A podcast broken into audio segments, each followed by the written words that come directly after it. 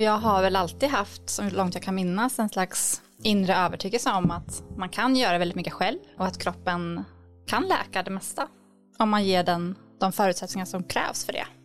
I dagens avsnitt har vi med Maja Ståhl som är utbildad nutritionist och biomedicinsk analytiker och hon har även studerat funktionsmedicin. Maja har en personlig resa där hon själv har läkt magproblem, endometrios och hypoterios. Och idag arbetar hon med att hjälpa klienter som har hormonella obalanser, magproblem genom bland annat kostråd, tillskott, örter och homeopati och hon arbetar även som en utbildare på Holistic.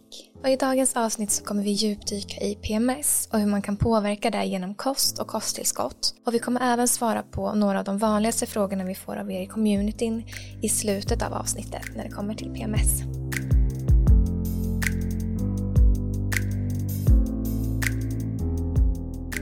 Varmt välkommen hit Maja Ståhl. Tack så jättemycket. Det är så kul att ha dig här. Jättekul att vara här. Vi brukar alltid börja med att fråga alla våra gäster om deras mission, vad man känner att man brinner för lite extra. Vad skulle du säga är ditt mission? Alltså jag skulle säga att det är att hjälpa människor till bättre hälsa.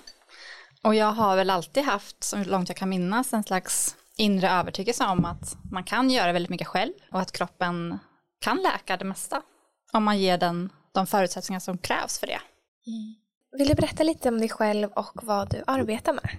Eh, jag är 38 år, växte upp i Linköping och eh, jag jobbar ju som nutritionist, eller jag är utbildad till nutritionist eh, och biomedicinsk analytiker och jobbar med att hjälpa människor med till exempel magproblem. Så jag har liksom som en egen mottagning där jag hjälper människor med det, men också hormonella besvär och alltså allting som har med kroppen att göra på olika sätt och hälsa. Och sen så jobbar jag också på Holistic, på utbildningsavdelningen där. Så spännande. Och i dagens avsnitt kommer vi djupdyka i PMS. Det här är ju någonting vi får så många frågor om varje vecka. Så det här samtalet är verkligen till för att vi kommer svara på frågor som communityn har ställt till dig, men också bara toucha på PMS överlag för att man ska få med sig verktyg för ja, men hur man kan minska den, förebygga den och kunna må bättre. Mm.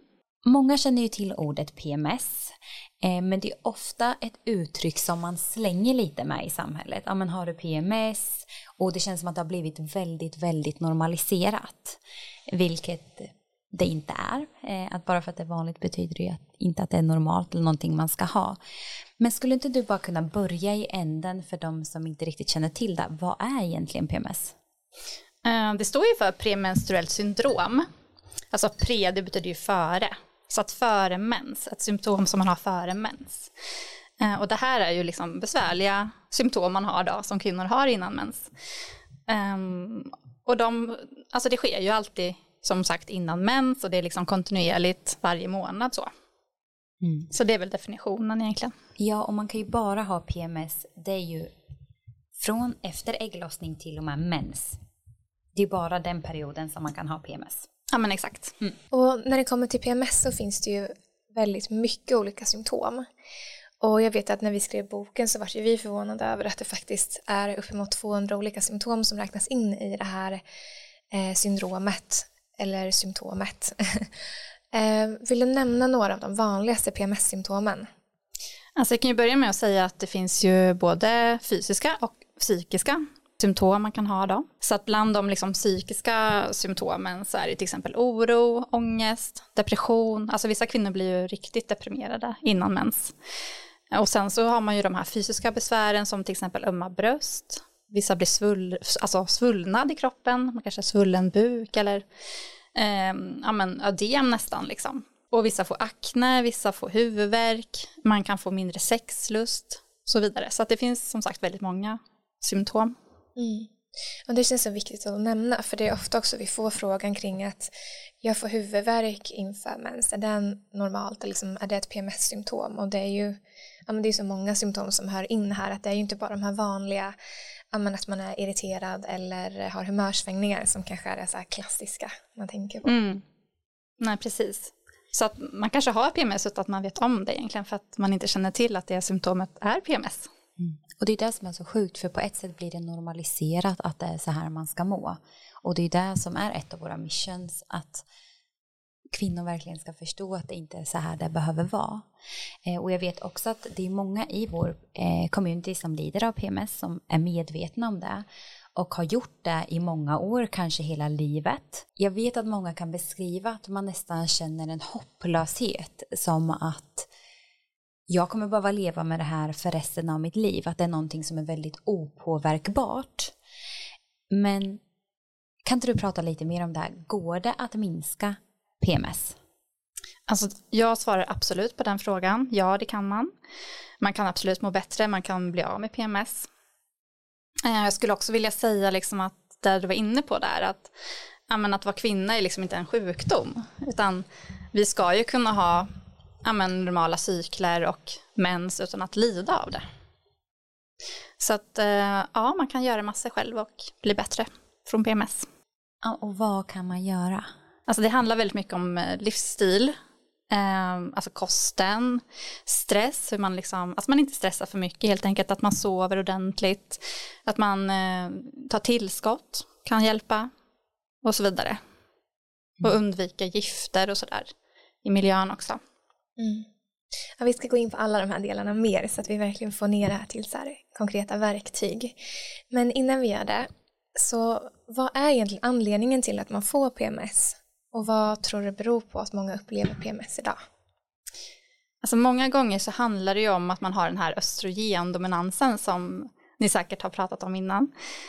Um, och det betyder ju att man har alltså, förhållandevis mycket östrogen mot, öst, äh, eh, mot progesteron i den luteala fasen, alltså innan mens då. Och varför får man det? Ja, men, vi har ju en så kallad gulkropp som bildar progesteron i äggstocken efter ägglossningen så bildas ju den här gulkroppen. Och själva kvaliteten på den här gulkroppen den avgör liksom hur mycket progesteron som bildas. Så om du har en bra hälsa Eh, så får du ju också en bättre kvalitet på den här gulkroppen och därmed också bättre progesteronproduktion. Helt enkelt. Så att genom att påverka din hälsa på olika sätt, eh, till exempel då som jag var inne på med livsstilen och tillskott och sådär, så kan man ju faktiskt få bättre balans här mellan östrogen och progesteron. Mm. Och det är nog, många är nog inte medvetna om att ägglossningen är så viktig i menscykeln. För det är ju ägglossningen då som kan hjälpa till att producera tillräckligt med progesteron. Eh, så till er som lyssnar att har man en stark ägglossning så betyder det många gånger att man kan minska PMSen. Mm, precis. Att skapa förutsättningar för det. Exakt. Mm. Och du nämnde ju där att det liksom handlar om balansen mellan östrogen och progesteron. Och där är det ju en liten missuppfattning att man oftast tror att det bara handlar om att det är för mycket östrogen. Mm. Ja, precis. Alltså östrogen är ju livsviktigt. Det behöver vi ju, för annars får vi ju ingen ägglossning överhuvudtaget. Så att jag tycker det är um, dumt att ge östrogen skulden faktiskt. Mm. Utan mer fokusera på att öka progesteronet snarare. Och bara så här för de som lyssnar som nu, vi kommer gå in lite mer på det, men de som lyssnar och bara, men hur ökar jag progesteron? Och det sa vi var genom ägglossning. Eh, men mer konkret, vad, finns det några saker i din praktik som du har sett hjälper till att öka en kvalitativ ägglossning? Mm. En sak som är bra det är faktiskt D-vitamin, eh, ta D-vitamin innan ägglossningen eller kring ägglossningen där liksom. Ta lite högre nivåer av D-vitamin då, är bra. Sen när, ja egentligen så ska du ju ta tillskott eh, kontinuerligt, inte bara under den så kallade luteala fasen. Eh, därför att det är ingen quick fix, utan du behöver ju liksom bygga upp dina näringsvärden under längre tid, helt enkelt. Eh, men B6, magnesium och zink är ju de eh, näringsämnen som är allra viktigast för att motverka PMS. Mm. Jag vet att eh, en av våra andra experter, Jenny Kos, pratar också just om det här med D-vitamin och hur man kan ta större doser få gånger i cykeln och framförallt då innan ägglossning. Och jag vet att vi får jättemycket frågor här. Hur, vad, vad skulle du säga, alltså i din praktik, handlar det om att ta två stycken större doser i, i fas 1 och fas 2, det vill säga i follikulära fasen, eller hur kan man tänka? Jag mm. tänker de som sitter hemma nu, bara, men jag tar ju D-vitamin varje dag till exempel. ska jag göra det eller ska jag inte göra det? Och om jag ska ta större, hur mycket då till exempel? Mm. Finns det något litet råd där? Eh, Jag tänker först och främst att det är bra att kolla upp sina värden och se om man har en brist. Och har man mycket, alltså stor brist på D-vitamin, eh, då kan man ju ta det varje dag. Kanske, ja men, vad ska man säga? Två- 2500 IE kanske i alla fall. Eller 3000 IE eller någonting. Och sen så kan man ju då dessutom ta eh, rejäla doser, kanske två dagar, någonting innan ägglossning. För vad är det egentligen som gör att D-vitamin kan hjälpa till med ägglossning? Eh, Det är bra för östrogenproduktionen eh, och det är bra för, alltså i själva de här äggstockarna så producerar ju foliklarna, alltså äggblåsorna, det är de som producerar östrogen under folikulära fasen när de mognar. Eh, Och D-vitamin hjälper liksom till i den här processen. Därför att först så bildas det androgener, men de omvandlas ju sen till östrogen. Eh, Och för att den omvandlingen ska ske ordentligt så behövs D-vitamin.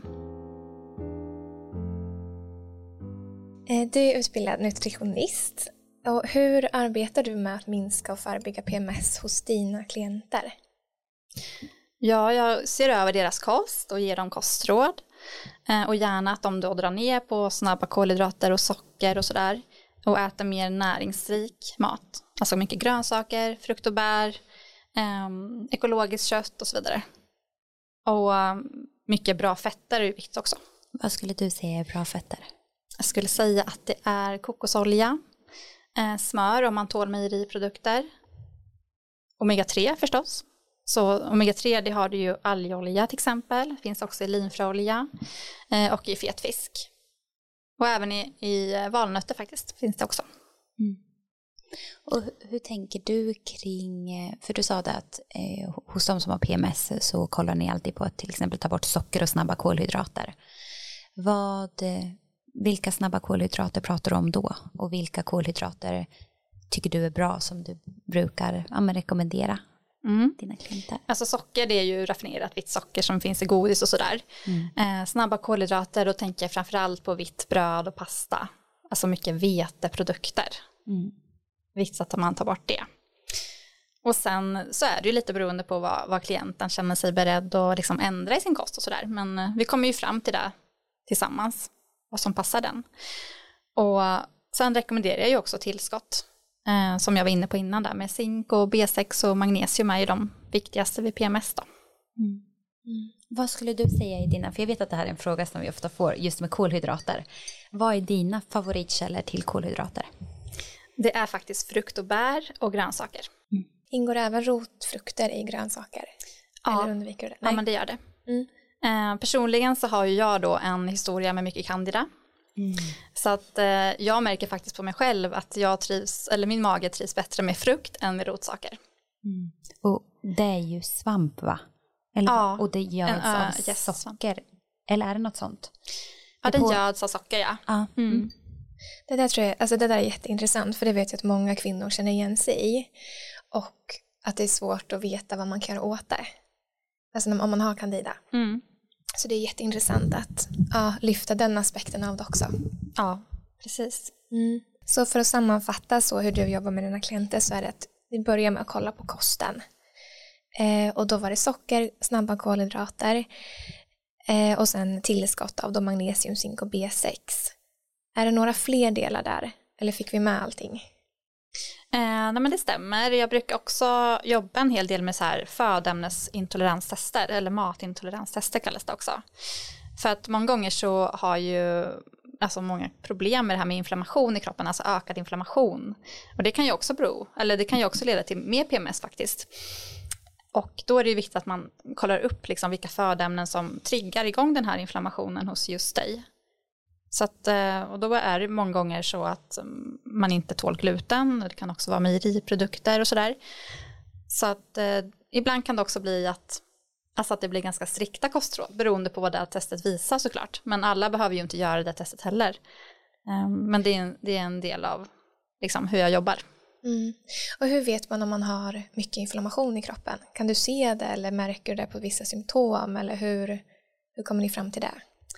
Ja, alltså man kan ju se det om den har problem med till exempel autoimmunitet eller eksem eller andra hudbesvär. Um, och vissa kvinnor får ju också, just med tanke på PMS då, eh, så kan man ju få det här med liksom att man blir svullen innan mens, man kanske får ja, men väldigt lös mage vid mens och sådär. Det är ju också med inflammation att göra. Och kanske att man får ont i lederna och ja, men, och jag tänker saker. också när du berättar just om inflammation. Många i vår community har ju också endometrios. Så jag tänker att, eh, och eftersom att den är inflammationsdriven, mm. eh, så tänker jag också att det kanske är ett bra sätt att kolla upp om man har några intolerant, alltså att man är allergisk. Mm. För att annars kan ju det också driva på inflammation. Absolut, jag har själv haft endometrios. Okej. Okay. Mm. Och på vilket sätt har du jobbat med det? Ja, men en del var ju med intoleranstest faktiskt.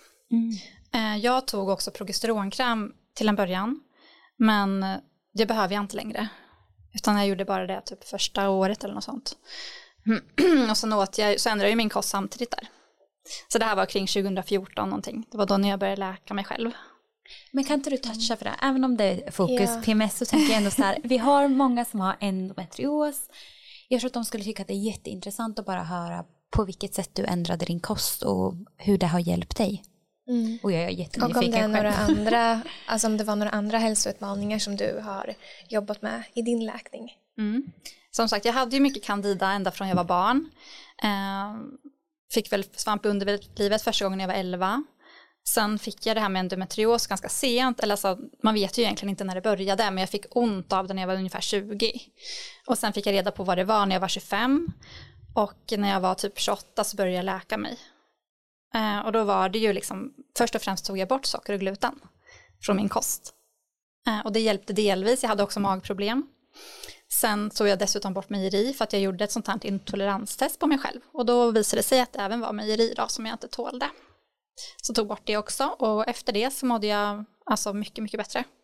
Eh, både i magen och eh, med endometriosen och liksom, mm, alltså jag hade hypotyreos också och även den blev bättre. Mm. Och vad är hypotyreos för de som inte Det är vet? ju en autoimmun sjukdom i sköldkörteln i mitt fall i alla fall. Alla har ju inte det här autoimmuna, man kan ju ha hypotyreos eh, av andra orsaker.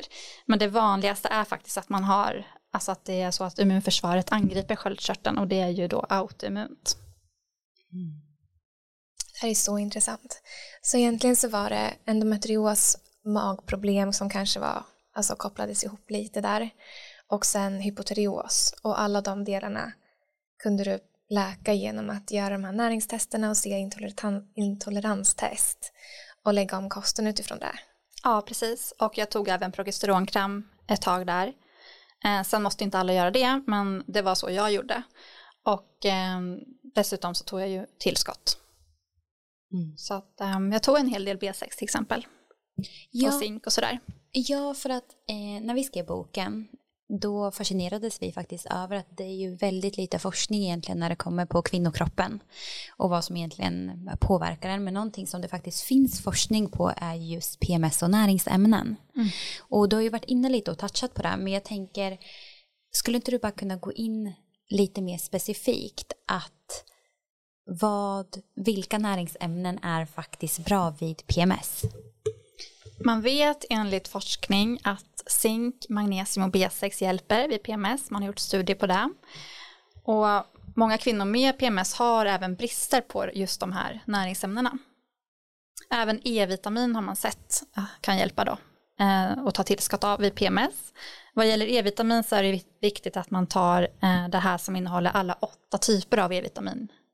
Och Holistic har det, så Holistic har faktiskt, enligt mig i alla fall, den bästa E-vitaminen i Sverige. Um, och sen har man ju också sett att många kvinnor med PMS har brist på en fettsyra som heter GLA eller GLA. Okay. Det står för gamma-linolensyra. Och den bildas liksom självt i kroppen, eller kroppen kan bilda den själv från andra fettsyror. Eh, linolsyra, som är omega-6 från växtriket, eh, kan ombildas till GLA då, i kroppen. Men för att den här omvandlingen ska kunna ske ordentligt så behövs just zink, B6 och magnesium. Mm. Så att där kommer de in igen. Och B6 är också viktigt för bildning av många liksom, signalsubstanser, alltså serotonin och GABA och dopamin och så, som gör att vi mår bra och känner oss lugna och glada. Så att... Eh, ja, för B6 har jag också hört kan vara kopplat till till exempel gravid illamående. Ja, ja men det stämmer. Mm. Men jag tänker att de som lyssnar nu som upplever PMS som bara så här, okej, okay, men hur vet jag om jag har brist på det här och hur vet jag hur mycket jag ska ta? Vägled oss. Alltså har du mycket PMS, då har du i regel brist på B6. Det är så? Alltså, jag kan inte säga att alla har det, men det är vanligt i alla fall. Mm. Um, men vill man ändå kolla upp det, det enda jag tänker på spontant sådär, det är ju homocystintest, för det är ju generellt test för B-vitaminer, det kan man ju kolla i vården. Mm. Sen är ju deras referensintervall väldigt, vad ska man säga, breda. Ja, men homocystin ska ligga lågt, vill man ju. Om man har för lite B-vitaminer så ligger det högt. Så om du ligger liksom i det högre referensintervallet på homocystin, då behöver du mer B-vitaminer, inklusive B6 då. Okej, okay, så man kan gå igenom vården, men om man inte vill gå igenom vården för att man känner att jag vill inte vänta på den här processen, mm. vad finns det för annat test man skulle kunna ta? Um, just B6 så, alltså indirekt kan man ju se det lite grann i hårmineralanalys. Uh, om du har brist på magnesium eller om du har en obalans mellan magnesium och kalcium då, då behöver du B6. Mm. Men jag tror också man kan kolla det i helblodsanalys heter det, då kollar man liksom på cellnivå. Uh, men jag jobbar inte just med den analysen själv, så jag är inte jätteinsatt där. Sen finns det idag vissa bioresonansmätningar man kan göra också. Men uh, ja, det finns nog lite olika kvalitet på dem där så att jag vågar inte uttala mig helt om det. Men um, ärligt talat, jag har faktiskt aldrig mätt B6 på mig själv. Mm. Mer än att jag gjort hårmineralanalyser då. Mm. Och när det kommer till de här näringsämnena generellt då, som har med PMS att göra, om man vill ta ett näringstest för att se mer övergripande, finns det då något test du skulle rekommendera eller hur går man tillväga? Alltså vissa eh, näringsvärden kan man kolla i vanliga vården i blodprov då. Mm. Som till exempel D-vitamin går ju och järn och alltså järn då är det ju bra att kolla ferritin, alltså järndepåerna också. Um, och som sagt vissa B-vitaminer kan man ju kolla upp via homocystintestet. Sen kan man även kolla B12, alltså kobalamin och, och folsyra i blodprov. Eh, men andra mineraler, framförallt mineraler är ju bra att kolla i hårmineralanalys. Finns också som sagt helblodsanalyser. Så att det är lite, man får nog gå på lite olika sätt där. Jag kan inte säga liksom ett test som är, täcker allt, inte vad jag själv vet i alla fall. Så. Mm.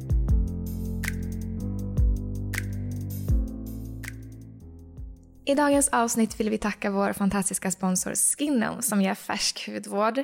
Och Skinom är grundat av hudforskaren Dr. Johanna Gillbro som även är författare till bästsäljande boken Hudbibeln. Ja, och vi läste Johannas bok förra året och vi blev helt frälsta och har båda använt deras ansiktshudvård efter det. Precis, och konceptet är ju baserat på mer än tio års forskning och produkterna är utvecklade i deras laboratorium här i Stockholm. Och som man kanske kan gissa utifrån beskrivningen så är det unika med färsk hudvård att det inte innehåller några konserveringsmedel eller onödiga tillsatser som parfym eller färgämnen. Mm, och det här är ju någonting som är så viktigt för oss. Och någonting som vi har fått extremt mycket frågor kring senaste åren är ju just bra solskydd eftersom att solskydd kan innehålla hormonstörande ämnen. Och Skinom har nu lanserat sitt första solskydd för ansiktet, Sun Emulsion med SPF 50+. Vilket vi är så himla glada för, både för vår egna skull men också för vår community. Exakt. Och det som är så coolt med Skinnom är att de har tagit fram en helt ny generation av solskydd. Och det som gör det unikt är att den bland annat innehåller en unik kombination av hudvänliga mineraler och organiska UV-filter som gör den säker, trygg och effektiv. Den innehåller också nya och innovativa organiska filter med stor molekylstorlek som inte kan tränga in i huden och som inte är hormonstörande. Ja, och deras filosofi är ju också minimalistiskt koncept med hudegna och vårdande ämnen i alla deras produkter. Och solskyddet är även fritt från konserveringsmedel för att inte störa hudens mikrobiom. Och den är även helt utan parfym och onödiga tillsatser, vilket vi älskar. Yes, och vi har fått äran att dela en rabattkod till er på alla Skinnons produkter. Så uppge koden WomenSync20 med stora bokstäver så får ni 20% rabatt på deras hemsida under april månad. Och ni kan läsa mer om Skinnon och deras produkter på deras hemsida skinnon.se. Tack så mycket Skinnon! I dagens avsnitt vill vi tacka vår magiska sponsor Holistic som är ett ledande hälso och kunskapsbolag som vill hjälpa människor att bli mer friska, medvetna och känna balans i livet. Ja, och idag vill vi titta tips om Holistics nya kosttillskott 5 Balans som är skapad för kvinnor i fertil ålder som vill uppleva mer hormonell balans. Och den här är speciellt utformad för att kunna minska eventuella PMS-symptom under månadens gång. Precis, och någonting som inte så många känner till är att under benämningen PMS så ingår ju faktiskt runt 200 olika symptom. Och det här kan handla om allt ifrån oro och humörsvängningar till svullen mage, huvudvärk eller bröst. Så PMS kan ju vara otroligt brett när det kommer till just symptomen. Ja, och Fem Balans innehåller bland annat Dong Quai som är en av de främsta hormonstödjande örterna inom kinesisk medicin. Och den här är till för att bland annat kunna minska just PMS och också för att balansera oregelbundna cykler och klimakteriebesvär.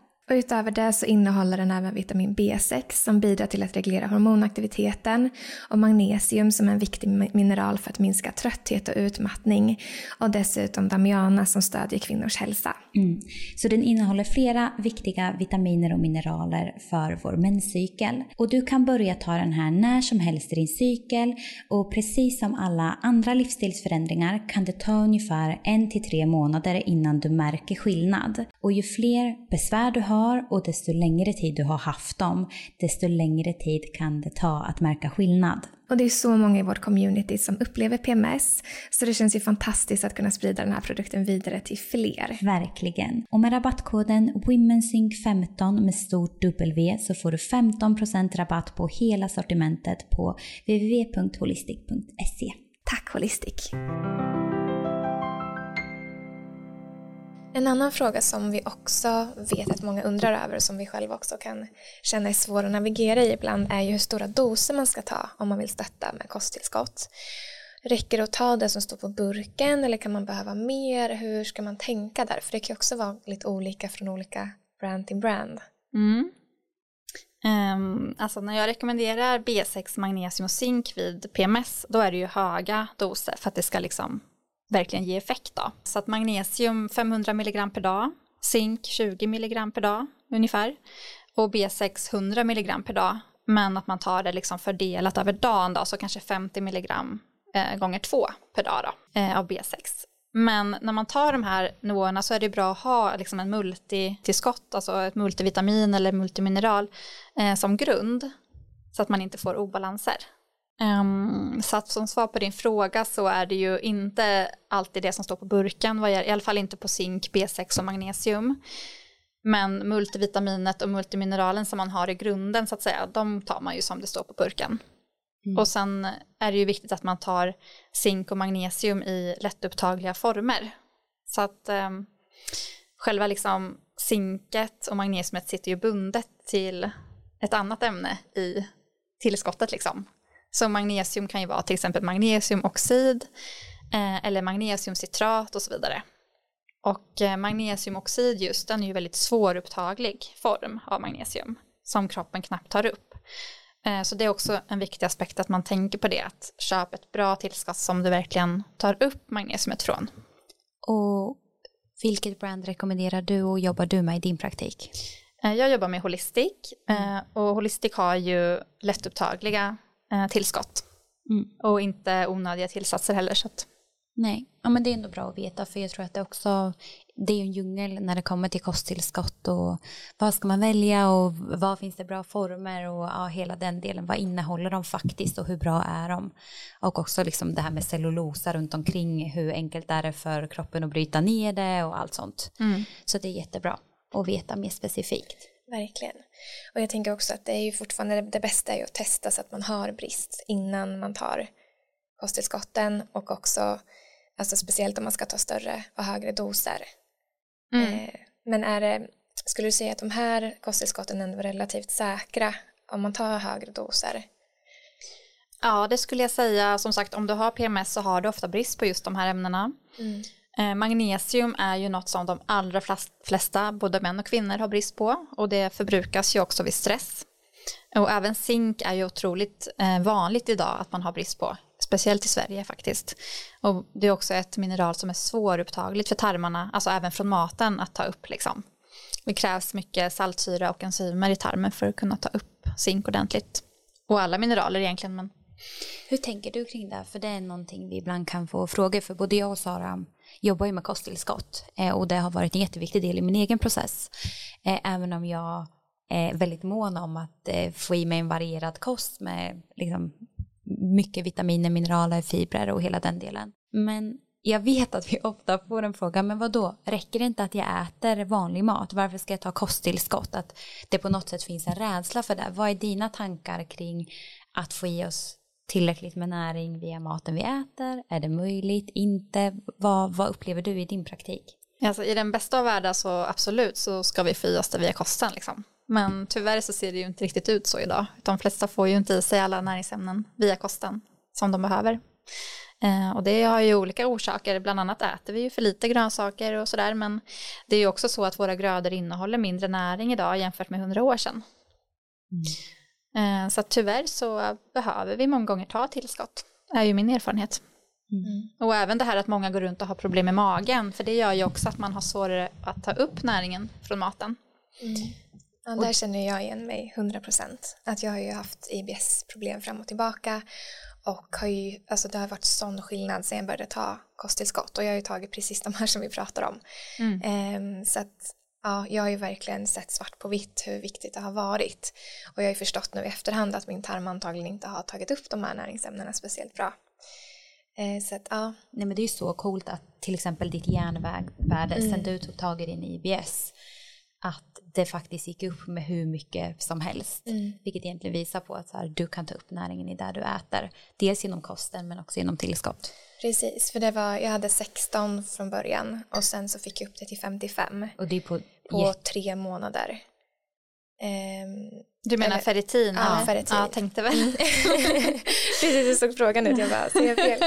eh, nej, men och då var det ju att jag dels, eh, ja, men dels började jag äta mer kött för att jag insåg, för vi pratade om det, jag bara, men jag äter ju mindre kött än vad jag tror. Eh, så dels i kosten men också att jag började ta järntillskott och även B-vitamintillskott mer. Mm. Och det gjorde ju jätteskillnad. Och du har ja, kört holistik skönt. också. Ja, det har jag gjort. Härligt. men jag tänker också, nu har vi varit inne mycket på liksom näring och vad som påverkar, men finns det, du var inne lite på det, men finns det vissa livsmedel som kan förvärra PMS? Ja, alltså jag tänker ju indirekt så kan du ju det med socker och alltså om du äter besprutad mat och alltså det finns ju kemikalier i besprutningsmedel till exempel i plaster och annat som vi får i oss hela tiden som liknar östrogen. Det är liksom senoöstrogener kallas de. Och det kan ju också bidra till hormonell obalans. Vart kan man få i sig det till exempel med de här senoöstrogener? Eh, som sagt, det finns i plaster, kan ju vara i till exempel skönhetsprodukter, alltså hudkrämer och sådär, parabener och liksom ja, konservburkar kanske och petflaskor och bekämpningsmedel som sagt då. Mm. Och plast om man värmer mm. i plast. Matlådor, ja. Mm. Mm. Att det är så sjukt. Mm. Men det är, så, så viktig del för just det här med senoöstrogener. Ja, men det blir ju såklart en direkt hormonpåverkan om man får i sig för stora mängder. Ja. Och det belastar ju levern också. Alltså levern är ju väldigt central. Mage, tarm och lever eh, är ju väldigt viktigt för liksom, hormoner och omsättningen av, alltså nedbrytningen av hormoner sen. Så att kvinnor som till exempel har eh, ömma bröst ända in på mensen eller liksom de släpper inte under mensen till exempel då kan man ha svårt att bryta ner östrogen och det har ju levern hand om. Hur kan man stötta levern? För det första så är det viktigt att man går på toaletten ordentligt att man inte är förstoppad för att om man är förstoppad och inte får ur eh, alltså var avfallet helt enkelt, mm. då kan ju det cirkulera runt i kroppen och då får levern en extra belastning på det här sättet. Ja, det här känner jag igen mig igen. Alltså förr så hade jag jättemycket, alltså oftare ömma bröst och var liksom förstoppad och typ gick på toa kanske var tredje, fjärde dag. Det är helt sjukt. Så att, och jag vet att, men jag vet att det är många som verkligen har alltså, upplevt samma eller är i samma situation. Och då fattade inte jag liksom kopplingen till alla de här bitarna. Mm. Utan jag tänkte typ att det var normalt för mig. Ja. Och också se typ hur stor, för du sa ju att du jobbar mycket med mage och tarm. Mm. Att hur stor påverkan mage och tarm faktiskt har för PMS. Att mm. Det kanske är grundorsaken, att PMS i sig är ju ett symptom på att någonting annat kanske inte är 100% rätt. Och med näringsbrister och allting, att det oftast är någonting djupare som det faktiskt handlar om och som man behöver mm. läka. Men bara så här, eftersom att PM, alltså mage och tarm kan ju faktiskt vara en viktig del i PMS då. Absolut. Och sen en annan grej med, just med mage-tarm, alltså mm.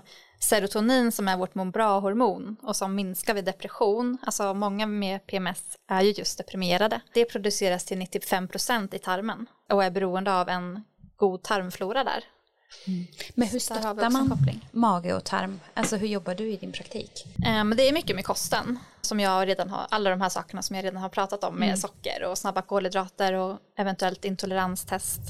Men sen också tillskott. Eh, många gånger så har man ju en så kallad dysbios, alltså att man har en obalans mellan goda bakterier och andra liksom sämre eh, mikroorganismer i tarmen. Det kan till exempel vara svamp som jag själv hade.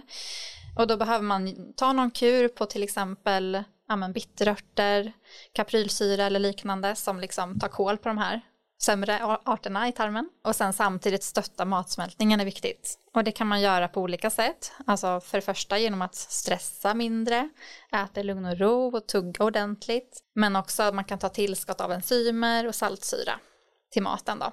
Mm. För enzymer jag var ju vegan back in the days och då hade jag mycket mer problem med mag magen. Och liksom bryta ner maten och var mycket mer uppblåst, svullen, gasig. Men jag vet i min transition till att börja ja, men få in mer animalier. Nu har jag väldigt sällan problem med magen. Men matsmältningsenzymer är någonting jag faktiskt har stöttat med under perioder för att hjälpa kroppen att bryta ner. Mm. För du sa ju det just med matsmältningsenzymer att det är någonting man faktiskt kan använda om man känner att så här, ja, kroppen får jobba otroligt mycket efter en måltid. Mm. Absolut, jag använder själv det och älskar det. Mm. Mm. Och varför är det bra? Eh, enzymerna hjälper till att spjälka maten, alltså proteiner, fetter, kolhydrater i maten bryts ner av enzymer och det, det gör det naturligt i tarmen då. Eh, och även i magsäcken. Men eh, man kan stötta det här genom att ta extra tillskott av det helt enkelt. Mm. Och hur är dina tankar kring koffein och PMS? Alltså koffein, eller kaffe då, det är ju som en flytande stress egentligen. Så, och vi vill ju inte ha mer stress, vi har ju för mycket stress som det är. Så kaffet eller koffeinet eh, det gör ju att binjurarna producerar mer kortisol så att det blir som en slags, vi känner oss pigga av det men det är bara, alltså det är inte hållbart i längden kan man säga. Mm. Och kaffe gör ju också att vi har svårare att ta upp näringsämnen från maten. Är det koffe, koffeinet i sig eller är det kaffet? Eller är det um, samma för alla koffeinhaltiga drycker? Nu kanske jag inte minns exakt här men jag tror att det är, kan vara koffein men det är också själva liksom kaffet, alltså syrorna och så i kaffet som binder upp mineraler till exempel. Så det är inte så bra att dricka kaffe på maten. Ja, det är jätteintressant. Jag tänker att alkohol kanske också hör in här i och med att det kan bli en belastning för levern väl? Ja men exakt. Och äh. även för tarmfloran. Mm. Det gynnar ju sämre, ja men svamp till exempel. Och jag tänker de som lyssnar nu som kanske bara känner så här, men vadå? Jag har PMS, men vadå ska jag inte kunna dricka mitt glas vin eller vadå ska jag behöva sluta med mitt kaffe? Ja, jag får inte ens äta pasta. hur, hur ska man tänka? Vad, alltså, hur stöttar du dina klienter i en sån här livsstils omställning och behöver det vara svart, och svart eller vitt eller hur, hur kan man få det att liksom bli hållbart? Alltså man behöver ju inte vara ett helgon jämt utan man får ju ta det till den nivån man pallar helt enkelt. Um, det ska vara hållbart. Så att hellre liksom att man gör det, tar mina råd till kanske 50% än ingenting. För att om jag ger för hårda råd eller liksom för strikta råd då kommer det ju inte bli något av det. Och det är jag ju medveten om. Så att vi försöker ju tillsammans komma fram till något som funkar i vardagen liksom. Mm. Annars går det ju inte. Men är det bättre att till exempel helt strunta i socker eller är det mer hållbart att kanske ta liksom att man minskar Eller blir det liksom, finns det något där som är så nej men det här ska man helst undvika helt men det här kanske man kan bara dra ner på. Eller kan man använda det i olika faser av menscykeln? Gör det mindre skada någon del i menscykeln till exempel? För just PMSen? Oj, vilka frågor. Alltså jag tror... jag bara tänker att det är så svårt själv att man är så här, oj det är så många saker, var ska jag börja? Och det känns helt omöjligt att sluta med allt som är typ ens livsstil liksom. Mm, absolut, nej men alltså som sagt jag kommer överens med klienten eh, vad just den liksom vad, den, vad som passar den helt enkelt. Så att vissa personer är ju så här allt eller inget, ja, men om jag har eh, liksom, någon minsta socker hemma så kommer jag bara äta upp det direkt. Så kan ju vissa vara, inklusive jag själv. så då, då är det ju mer allt eller inget för den personen. Och vissa andra kanske är så här, nej men jag måste få ha en bit liksom, annars så kommer jag skita i allt. Alltså, ja men mm. ha det då ha kvar den där lilla chokladbiten eller vad det nu kan vara. Men liksom, som sagt, det är individuellt. Nej, och jag tänker också att det kan vara viktigt att fånga upp de saker, alltså så här low hanging fruit på ett sätt, att vad är det jag faktiskt kan till exempel ta bort eller minska som inte gör så stor skillnad eller någonting som man använder varje dag som också gör en stor skillnad i lång, långa loppet. Att så här, ja, men äter man gluten varje dag och har grov PMS, okej okay, vad skulle hända om man inte gör det två dagar, alltså tar bort det och så äter man det två gånger i veckan till exempel eller en gång i veckan. Att man, för det är ändå de saker vi gör varje dag som i slutändan gör skillnad och det är det när man kollar på många i vårt community just med koffein.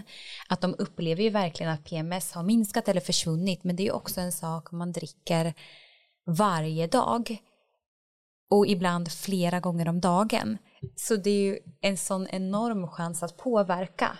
Medan så här, ja men äter man en efterrätt eller en chokladbit några gånger, någon gång i veckan så kanske inte det gör så stor skillnad. Eller äter man väldigt, väldigt bra mat överlag och sen så har man fortfarande det här så kanske inte det gör så stor skillnad utan det är ju liksom helhetsbilden tänker jag.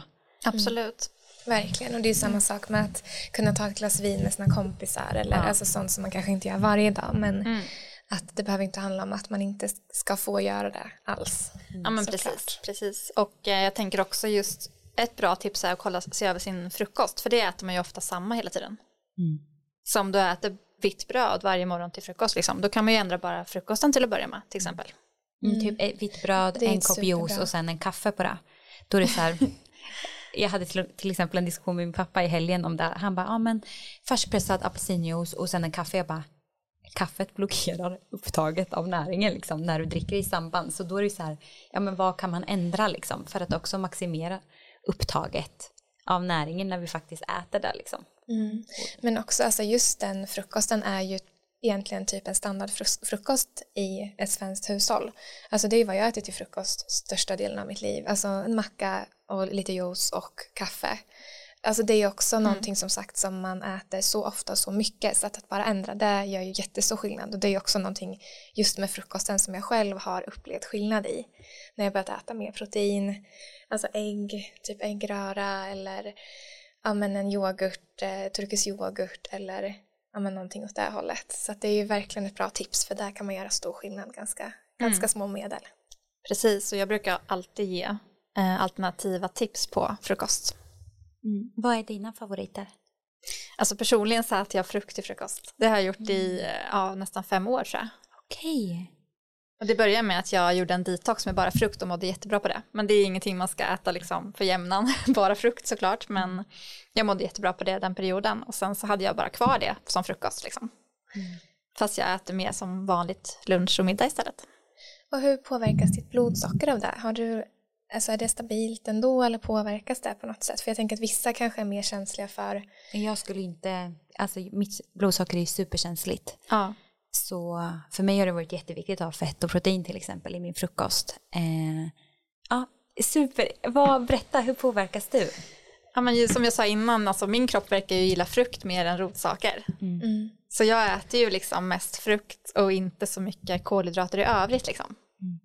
Så jag äter mest grönsaker till alltså middag och, och lunch. Då.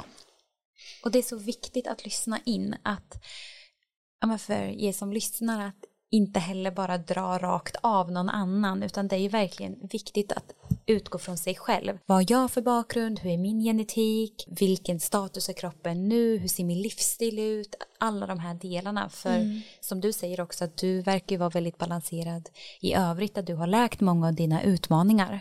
Så det beror också på vilket stadie man är i livet. Mm. Mm. Och känna in just som sagt hur man själv mår av det. Ja, men det är jätteintressant för jag tänker på det nu när du säger det med frukt. Att när vi var på Sri Lanka, jag och Sanna, förra året, då åt vi ju mycket frukt alltså till frukosten. Och det mådde jag superbra av. Så jag har faktiskt tänkt på att jag ska addera mer frukt till, alltså, till frukosten och testa om det, om det är så att jag fortfarande känner av det. Och det är jätteintressant att du nämner just det. Och det är så sjukt för att du mådde väldigt bra av det och uh. vi hade ju en längre måltidsvila på ett sätt fasta. Medan min cykel blev ju helt kajko. Ja, ja men för vi är så olika ja. där. Så det är ju verkligen där igen att ja. ja. men det är inte en mall för alla utan man måste verkligen testa och känna in och mm. så här, men som sagt gå till grunden med men hur, hur är min kropp och hur fungerar den? Mm. En annan sak just med frukt är att um, jag har fått lära mig och min kropp mår bäst också då om jag inte blandar det med annan mat. Alltså att jag äter frukt för sig. Det har jag så hört därför så äter jag liksom bara frukt till frukost. Sen väntar jag minst två timmar tills jag äter igen då. Mm. Vad beror det på? Alltså det förklaras med att frukten är väldigt lättsmält och innehåller ju ganska mycket socker. Även om det sockret är liksom, alltså det går mer eller mindre direkt in i cellerna. Det behöver inte så mycket insulin för att komma in i cellerna liksom. Eh, men om du blandar frukten med en massa fett och protein och sådär, då ligger det ju kvar i mage-tarm längre tid. Eh, och det är inte så bra för då kan det börja liksom, ja, men, fermenteras helt enkelt så att det blir gaser och så. Gud vad intressant, för det tänker jag då koppla till både PMS och IBS. Att det vill man ju gärna undvika för att just eh, gaser och det är ju, ja men det är ju väldigt lätt att det dyker upp. Mm. Men jag tänker att vi ska kliva in lite på frågorna från communityn. Och en fråga är, är vissa personer mer eller mindre benägna för PMS? Om ja, vad kan det bero på i sådana fall? Alltså jag tänker att allting är ju mer eller mindre genetiskt. Så att eh, du kan ju säkert ärva PMS också. Men eh, bara för att du har det genetiskt så betyder det inte att du behöver ha det. Alltså, du kan göra så mycket själv för att det här ska uttryckas eller inte helt enkelt. Eh, så att eh, jag kan ge ett personligt exempel på det. Alltså jag hade ju hypotyreos till exempel. Och eh, det har jag genetiskt, det ligger liksom i min släkt att man lätt kan få det här. Men jag har ju nu lyckats bli frisk från det eftersom att jag ändrat min livsstil. Och eh, så på det sättet så man kan ju ha en ärftlighet även fast det inte kommer till uttryck liksom. Och det är också så intressant för att många gånger kan man ju anamma, om det också är en ärftlighet, att man också anammar en liknande livsstil som sin familj eller sina föräldrar. Eh, för det är någonting vi har läst väldigt mycket om nu på sista tiden, att man ska ju inte blamea sig själv att man är på den plats man är. Att har du mycket PMS, du har ju inte aktivt valt utan det handlar ju mycket om att vi har indoktrinerats i en livsstil som kanske inte passar oss eh, eller som faktiskt gör oss sjuka. Men sen blir det ju ett visst ansvar för oss sen att ta oss ur det. Men då bryter man ju också, det är ett beteendemönster som är på en samhällsnivå, inte bara på en individnivå. Mm. Så det är också intressant när man ser så här ärftlighet, om man är att jag har anammat samma typ av livsstil eh, och kost som min familj och mina föräldrar eller vad är det faktiskt som spelar mm. in? Ja men exakt och även liksom eh, hur, hur levde din mamma när du var, alltså när hon var gravid med dig, eh, det påverkar ju också. Alltså till exempel när hennes näring påverkar ju barnets näring och så vidare. Mm. Och vi var inne på den här frågan innan men jag tänker att det är ändå bra att fastställa det. Att kan man bli helt fri från PMS? Ja, det tycker jag. Mm. Det är min övertygelse. Mm. Det är ändå fantastiskt. Verkligen. Och just att bara få höra det också, för du har ju jobbat med många kvinnor som har PMS, att, att det gör så stor skillnad att höra att andra som har upplevt samma sak som mig själv har kunnat typ bli av med det. Då mm. får man ju lite mera motivation att kanske göra förändringar. Ja, och det ju, alltså för vissa kan det ju räcka med väldigt små justeringar liksom. Mm. Till exempel bara ta bort kaffet. Ja, men hur, vad kan man, om man har grov PMS, hur lång tid kan det ta att faktiskt läka den? Um, ja, men jag tycker man ska ge det åtminstone tre månader. Mm. Kan gå fortare och det kan ta längre tid. Så mm. Det beror också på vilken plats man är på, hur stora obalanser man har och grundorsaken kan jag tänka mig. Ja men exakt. Mm. Och det är där vi ofta pratar om att tre månader tar det ju för ett ägg att mogna. Ja. Så man kan se det på cykeln. Eh, men det här är någonting som vi ofta får en fråga om. Och det är många som har skrivit att de får PMS-symptom vid ägglossning. Och det här är ju inte PMS, då PMS enbart kan ske efter ägglossning, som vi pratar om i fas 3. Men vad beror det egentligen på att man kan känna liknande symptom vid just ägglossning? Man kanske känner smärta, humörsvängningar, lite ömma bröst. Ja. Alltså jag tänker så här att det kan ju vara typ precis när ägglossningen har skett också. Så att det faktiskt är efter ägglossningen fast man tänker att det är ägglossningen. Mm. Alltså, eller innan ägglossningen. För det som händer där det är ju att östrogenet är ju som högst strax innan ägglossningen. Eh, och sen när ägglossningen har skett då bildas ju progesteron. Så att om du har en, du kan ju ha en obalans redan precis när det har skett tänker jag. Eventuellt. Mm. Sen kan man ju få ont, alltså just när liksom ägget släpper från äggblåsan, då kan man ju få ont. Det blir också en liten lokal blödning då vid äggstocken som vissa kvinnor kan få ont av. Mm. Sen vet faktiskt inte jag exakt eh, den, just den här med ägglossningssmärta. Jag vet att vissa kvinnor kan ju få det till exempel efter de fött barn och liksom, eller jag tänker att man, många får det liksom när de är lite äldre så här. Um, för mig var det i alla fall att jag fick det mer efter att jag slutade med p-piller. Uh, innan jag var yngre så kände jag aldrig av ägglossningen överhuvudtaget liksom. Så att jag vet inte exakt vad de där smärtorna beror på men det kan ju vara någon obalans redan där eller om det är typ någon näringsbrist eller inflammation eller ja. Mm. jag har också fått frågor om när man egentligen kan påverka PMSen. Att går det att påverka PMS när man redan är i fas 3, alltså lutealfasen, eller gäller det att man har påverkat, gjort förändringar redan i follikulära fasen eller ännu tidigare i tidigare cykler? Alltså ju tidigare du börjar desto bättre naturligtvis. Um, men jag skulle säga att um, det som du gör i, under den follikulära fasen påverkar eh, absolut om det blir PMS eller inte i och med att det påverkar äggkvaliteten och liksom ägglossningen, alltså hur bra ägglossningen blir.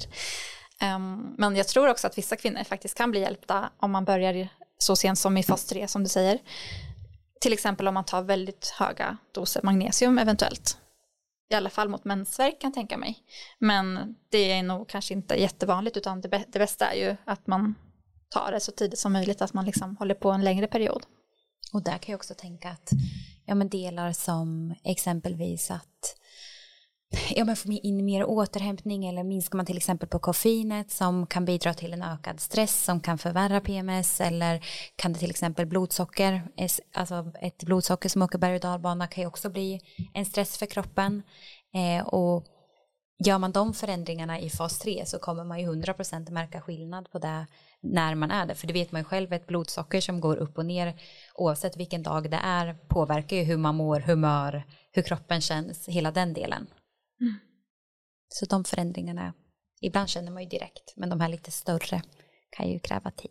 Jag tänker också liksom, hela lutealfasen är ju ändå två veckor, så det är mm. ganska lång period, men om man tänker att ja, men jag tar magnesium vid PMS, jag menar vissa kanske bara har PMS tre dagar innan mens, då blir det ju väldigt kort period. Mm. Så att det är ju lite, ja.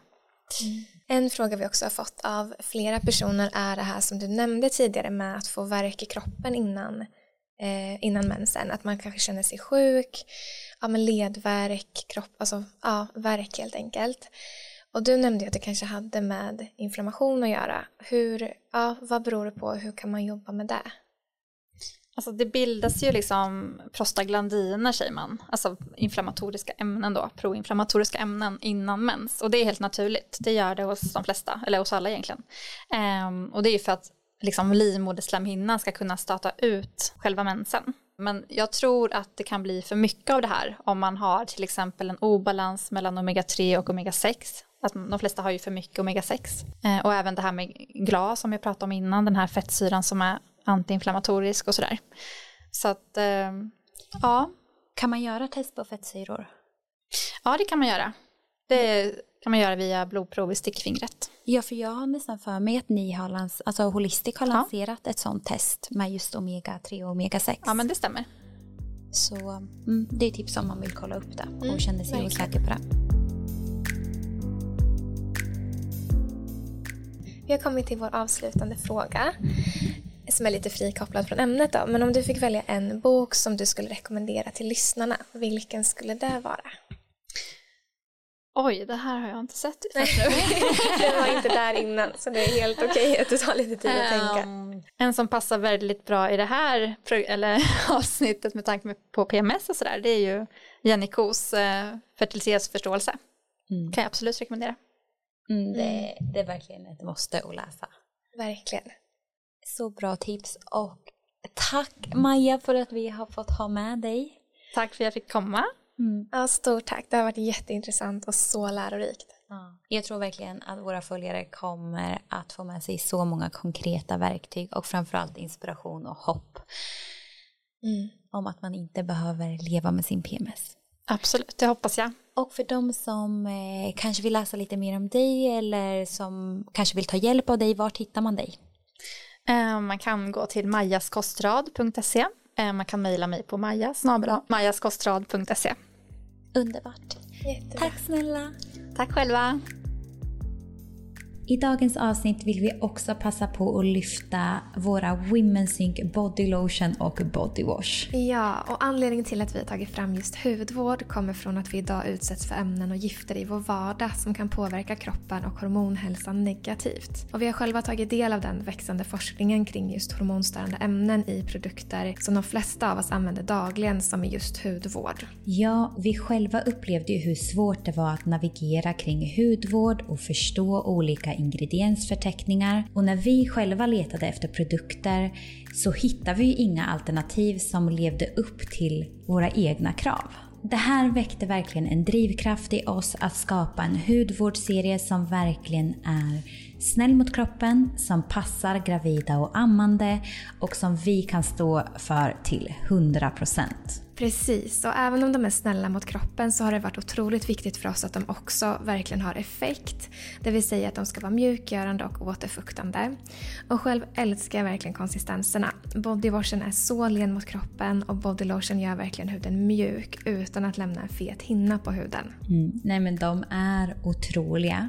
Och för att göra dem så närande som möjligt för huden så har vi fokuserat på att använda ingredienser som finns naturligt i huden och och som stärker och upprätthåller en hälsosam hudbarriär såsom exempelvis kvalen, E-vitamin och vitamin B3. Ja, precis. Och en viktig aspekt i framtagandet av hudvården är att vi har gjort dem parfymfria. Och det är eftersom att parfym är ett samlingsbegrepp som kan innehålla hundratals olika ämnen. Och de är även fria från PFAS, parabener, ftalater, BPA, mikroplaster och mineraloljor. Ja, och vi får ju ofta frågor vad vi använder och vi använder ju enbart de här produkterna nu och kommer att göra för resten av vår framtid. Eh, och framförallt nu när vi är gravida eftersom att de passar lika bra inför för, under och efter en graviditet. Men de passar ju även för de som har känslig hud eller man har olika allergier eller bara för dig som är medveten och söker efter alternativ som är snälla mot huden. Mm. Och produkterna är också veganska och producerade här i Sverige. Och du hittar dem på vår hemsida womensing.se.